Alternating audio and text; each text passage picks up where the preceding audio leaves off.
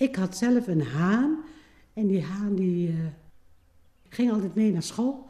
School was aan het eind van het kamp, hè, van als je barak 7 hebt. Dat is vlak niet, zo ver van de Schouwburg.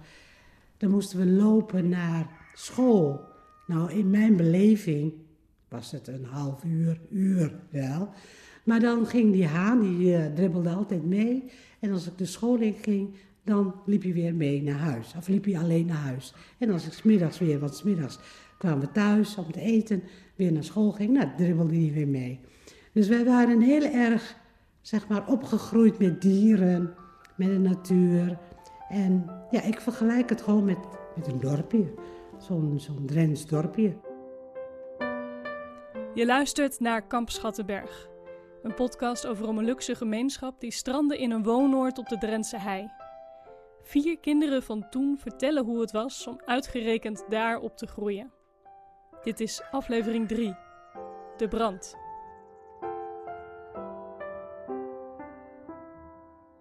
De jaren in kamp Schattenberg verstreken. Van terugkeren naar Indonesië was nog steeds geen sprake en met de tijd leek het leven in het woonoord normaal te worden. Je ging naar school, maakte vriendjes, speelde in het bos en ging naar de bios. Dagen kregen een routine. En dat merkte ook mijn zus, Mietje Hoelie.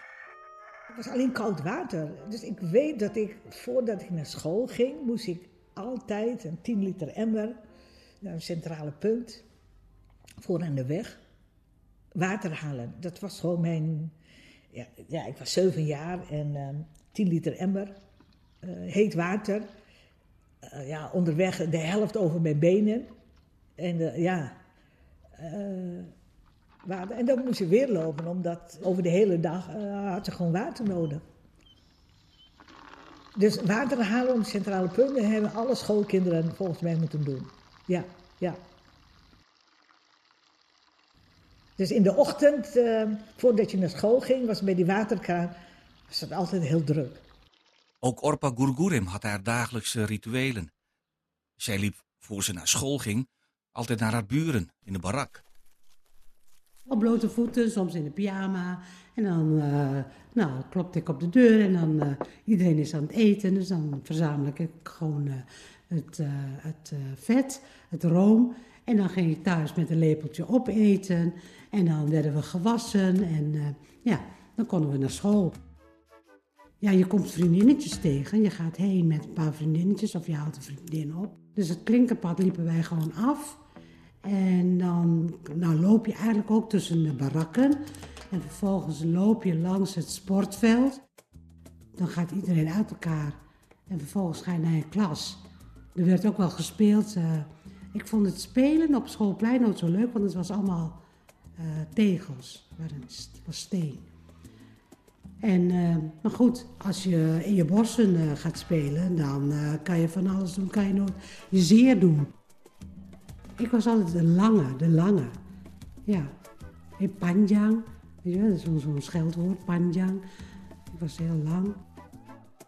Hey panjang, mari mij in die luar. Kom, gaan we buiten spelen. Ja. Kamp Schattenberg werd meer en meer een dorp. Een dorp op een plek waar de tragische geschiedenis altijd aanwezig was.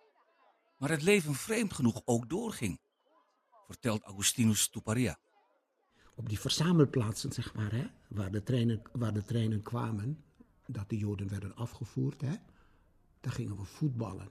En dan was het niet 11 tegen 11, 30 tegen 30, 40 tegen 40. Je kwam eraan en zegt, oh, ik wil voetballen daar. Hè, ik wil voetballen daar. En terwijl we aan het voetballen waren, stond daar de patatwagen van Sikkema. Met frikadel en patat. Als je geen zin had om te voetballen, dat je denkt van ik wil een zakje patat, ga eerst een zakje patat eten. Dan ga je weer verder voetballen. Ja, een frikandel, hè, begin toen. Toen had je nog trouwens nog geen frikandel speciaal, had je nog niet. In Schattenberg kwamen winkels en was vermaak voor jong en oud. Een kantine waar je kon biljarten. Je kon er altijd voetballen, dansen. En in de Schouwburg werden films gedraaid. Daar waren Augustinus Tuparia en Charlie Sapeno dan ook regelmatig te vinden. Om zoveel tijd hadden we films, hè? bijvoorbeeld de Amerikaanse marine. Hè? Nou, en na zo'n film, ja, dan liepen we, dan liepen we met, uh, uh, dan marcheren we door, door het kamp. Ben Hur, de, de musketiers geloof ik was dat. En wat, wat cowboyfilms. Of herinner ik me als er zo'n pak een beetje 100, 200 uh, jongelui waren in, in, in, de, in, in die filmzaal. En die indianen gingen achter de cowboys aan hè, in die film, of omgekeerd. En dan stampten we op onze voeten. Hè, en maar hopen dat die, uh, dat die cowboys uit handen bleven van de indianen. Hè. Ik weet nog wel, we hadden toen uh, de zeehavik. De zeehavik met Errol Flynn. Errol Flynn als hoofdrol. En dat is uh, schermen. Zeerovers. En wat deden wij? De volgende dag had iedereen een stokje en we gaan schermen. Nou, en dan kreeg je op school, is het die klas en die klas. En ik zat in de hoogste klasse, dus wij zaten in een andere barak dan die andere van 1 tot en met 6 of 5. Die zitten in een andere barak en wij zitten in een andere barak. Nou, wij tegen hun. Totdat ik een stok in mijn oog kreeg. Ja, toen was het afgelopen. Toen zei de leraar, stop met het hele scherm.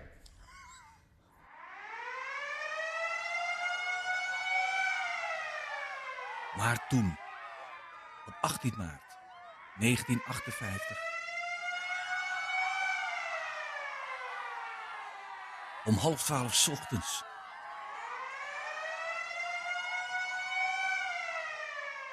Het werd ineens pikdonker in kamp Schattenberg. Mensen renden en gilden. Maar dit keer was het geen avonturenfilm. Het was echt. Dat op een gegeven moment uh, was het heel donker boven, uh, boven het kamp. En toen zei mijn moeder van, er is brand. Thuis blijven, binnen blijven. Ja, de, de, de brand is voor mij dus ook uh, heel, heel innoverend. Wij, wij zaten, ik zat hier op school hè, in, in, in Assen. En die buschauffeur die zegt uh, tegen ons van... Ja jongens, er is een grote brand in Schattenberg. Ik zat klas 1. En tegen een uur of twaalf werd het op een gegeven moment donker. Ja, dat was uh, heel eng. Uh, die rook. En toen kregen we de opdracht om naar huis te gaan, maar niet via de hoofdweg. En ik moest helemaal omlopen. En dat had ik nog nooit gedaan. En het was donker vanwege de rook. Dus ik moest naar huis lopen en ik was zo bang. En schreeuwende kinderen. En toen was ik thuis. Er was niemand thuis. Mijn moeder heeft inmiddels mijn broertje en mijn zus, die gingen gewoon weg. En die gingen naar, naar, uh, helemaal naar de kleuterschool. Dus toen ik thuis kwam, was er, ja, was er ook niemand. Dus het was wel best wel, ja, voor een klein meisje, zeven jaar denk ik, eerste klas. Ja, ik vond het gewoon doodeng. Ik, als het donker is, hè, vanwege de rook. De brand brak uit in barak 62, maar sloeg al snel over naar barak 60 en 61. De harde wind wakkerde het vuur aan en naast de kampbrandweer snelden korpsen uit Assen, Westerbork en rolden naar Schattenberg om te helpen. Augustinus weet het nog goed.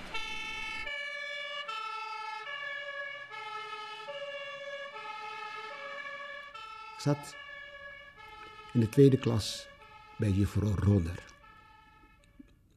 En we hadden in het kamp had je zo'n hele, had je een sirene. Dat geluid ging de hele dag. Alle brandweerkorpsen in de omgeving van Westerbork, Assen, weet ik veel, moesten allemaal naar, uh, naar het kamp toe. Alle, allemaal houten barakken, allemaal tegen het bos aan. Achter daar was de grote brand. Luguber, echt luguber. Al die houten barakken, we kropen tegen elkaar aan en die sirene ging maar. Hè? En allemaal brandweer, want ze hielden natuurlijk die andere houten barakken nat alvast. Hè? Charlie kwam op dat moment dus terug van school. En toen ze het kamp naderden, zagen hij en zijn vriend Otto de rookpluimen al. En uh, Dan hadden we ook zo over. Het zegt hij, ja, dat zal wel kippenhok zijn. Toen kwam we in Schattenberg. Toen zagen we rook uitkomen. En zegt hij, dat komt een beetje uit de uh, richting van mijn huis.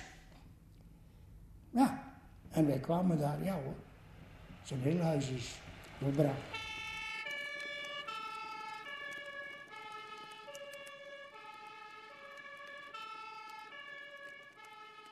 Het vuur greep om zich heen. Mijn broer woonde uh, in een van, uh, van die huizen daar.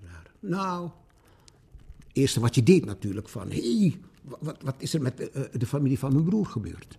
Iedereen deed dat natuurlijk, hè. Maar dat was echt een vlammenzee. Je werd er echt hè, bang van. Zo'n grote vuurzee was. Echt waar. Dat, dat, ja, dat zal ik never nooit vergeten. Gewoon dat beeld hè, van die vlammenzee, dat, dat zal ik nooit vergeten. Nee. Nee. En, en als ik erover praat, hè, ik zie die beelden allemaal nog live voor me. Hè. Die vriend van mij, die Otto, die zegt, ja, verdorie, uh, mijn spaarpot en zo. En toen zag hij dus in, in de asjes zijn spaarpot. En ik in mijn, in mijn uh, stomme kop. Ik dacht dat het een stukje, een stukje hout was, maar dat kan natuurlijk niet. Het kan nooit hout zijn, want dan is die al gebrand. Dan pak ik een stuk ijzer. Oh, dat is gloeiend heet. Dus ik had mijn hand een beetje verbrand. Mijn zus Mietje voelde zich erg ontheemd. Mijn vader was aan het werk. En mijn moeder die wist van, ja, houten barakken, dat gaat zo over. Uh, dus ze heeft alles groot laken, heeft alles erin gezet, knip gemaakt.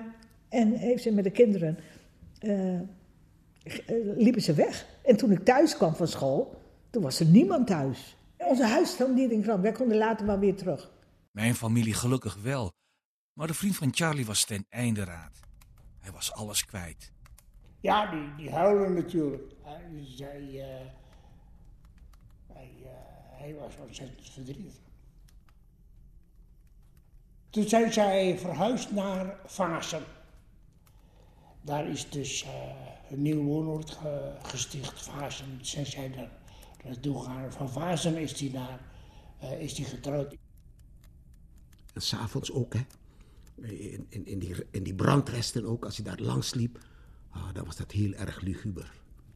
Omdat je toen ook al wist van, hé, hey, deze locatie is een bijzondere. Dat kwam dan ook nog eens een keertje bij, die brand, hè. Ja, durfde ik ook niet meer, durfde ik s'nachts niet buiten te komen. Hè? En dat was eigenlijk ook het begin zo van, goh, uh, die barakken, uh, die waren er niet meer. Dat was eigenlijk ook misschien uh, het begin van, nou, ze moeten maar het kamp verlaten. Drie barakken werden in de as gelegd. 88 gezinnen raakten dakloos en moesten gedwongen verhuizen. Ook mijn familie vertrok. En volgens mijn zus Mietje was het mijn vaders besluit om weg te gaan uit Schattenberg. Hij had dat door dat dat geen goede omgeving is voor de kinderen. Want mijn zus die, die kreeg last. Weet je, kinderen zijn gevoelig voor negatieve energie. Zo'n kamp gebeuren. Die kroop altijd, zij kroop altijd in de kast. Het, het is, ja, wat er allemaal gebeurd is. Weet je, mensen uit het oosten die zijn heel erg gevoelig als het gaat om energie. Ja, er werden verhalen verteld dat ze Joden zagen bij de verwarmingsbuizen. Het beeld, hè. Spoken en dat soort dingen. Dat, dat werd ook door op de kinderen. En ja, die negatieve energie. Dus uh, toen heeft mijn vader besloten om daar weg te gaan. En toen gingen we naar Vazen. Ook een barakkenkamp.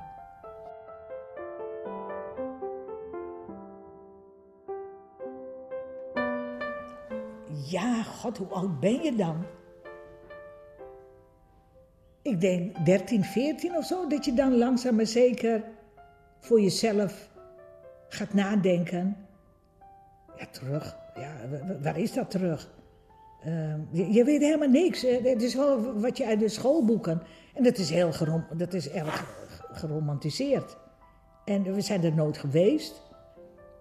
Dus uh, ja, dan ga je toch langzaam maar zeker uh, je eigen beeld vormen wat je wil gaan doen. Welke keuze, welke opleiding je wil gaan doen. En dan langzaam maar zeker ga je afscheid nemen. afscheid nemen van de droom van je ouders. Meer daarover in de volgende aflevering.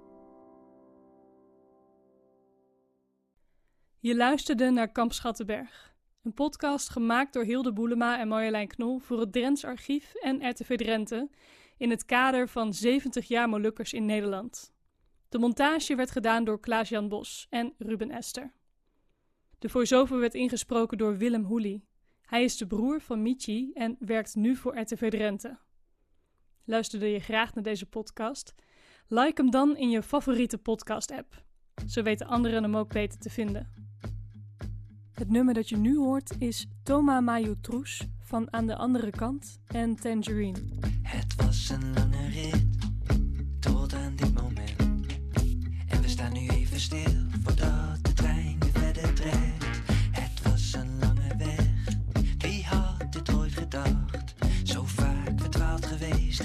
wist hoe ver het was.